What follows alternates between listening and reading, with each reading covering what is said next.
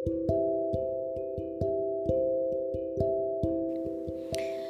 semua, kembali lagi dengan saya Fitri Ramadhani.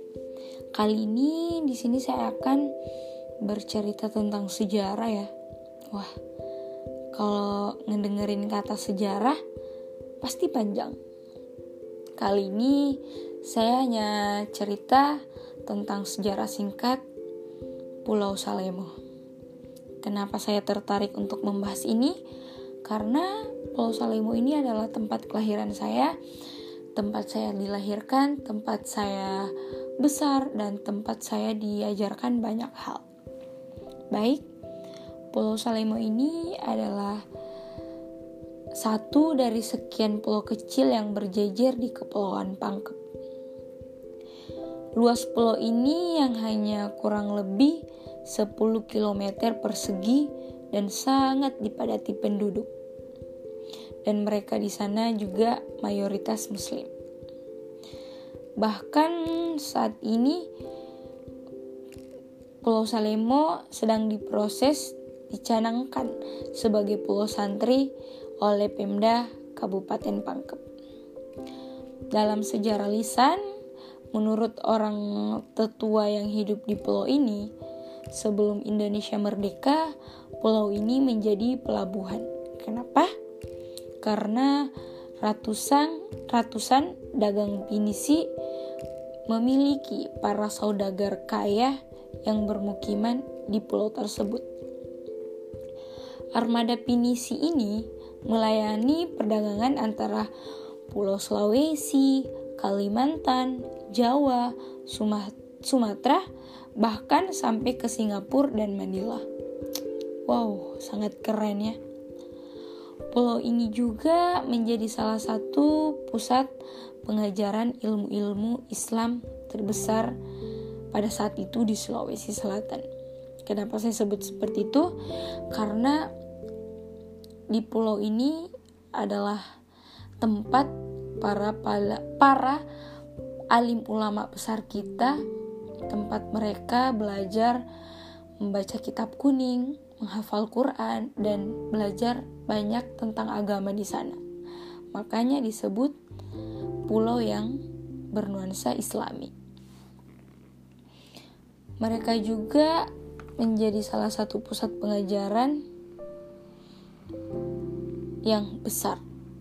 Seperti saya yang saya bilang tadi, banyak alim ulama yang memilih tinggal di sana dan menarik banyak sekali murid dari berbagai penjuru seperti dari Mandar dan sampai ke Selayar hanya untuk belajar agama di sana.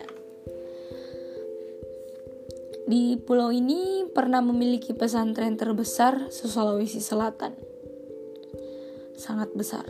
Tempat pengajian para ulama seperti Andre Guru Kiai Jamaluddin, Puang Rama dan Kiai Haji Rahman Matameng. Mereka adalah para alim ulama pada saat itu yang membangun perguruan di Pulau Salemo. Mereka melakukan pengajian yang bercorak yang bertema kuliah yang dilakukan di rumah-rumah belasan Andre Guruta. Para alim ulama yang rata-rata ini hanya lulusan Mekah dan Madinah dengan berbagai judul dan tingkatan kitab kuning ataupun hafalan Quran mereka sebagai mata ajaran. Selama ini menjadi pesantren pulau itu berakhir ketika Salemo pernah dibom. Di bumi ratakan oleh sekutu pada tahun 1945 dan Salemo menjadi ci menjadi cerita pesantren. Pulau itu kini hanya menjadi cerita turun-temurun para sepuh yang juga akan pergi satu persatu. Ketika beberapa lalu memasuki pulau ini, akan ada tertulis di atas dermaga yang seperti ini Anda telah memasuki kawasan nuansa Islami dan terlihat besar di bawahnya Maryam yang punya banyak sejarah. Di sana juga hanya mempunyai satu masjid yang cukup luas. Masjid ini ditempati para anak-anak untuk menghafal Quran dan menjadi pesantren penghafal Quran. Dan hebatnya dalam setahun ini pesantren ini telah melahirkan dua anak Salemo yang masih berusia 16 tahun telah menamatkan hafalan Qurannya 30 juz. Wow, sangat hebat.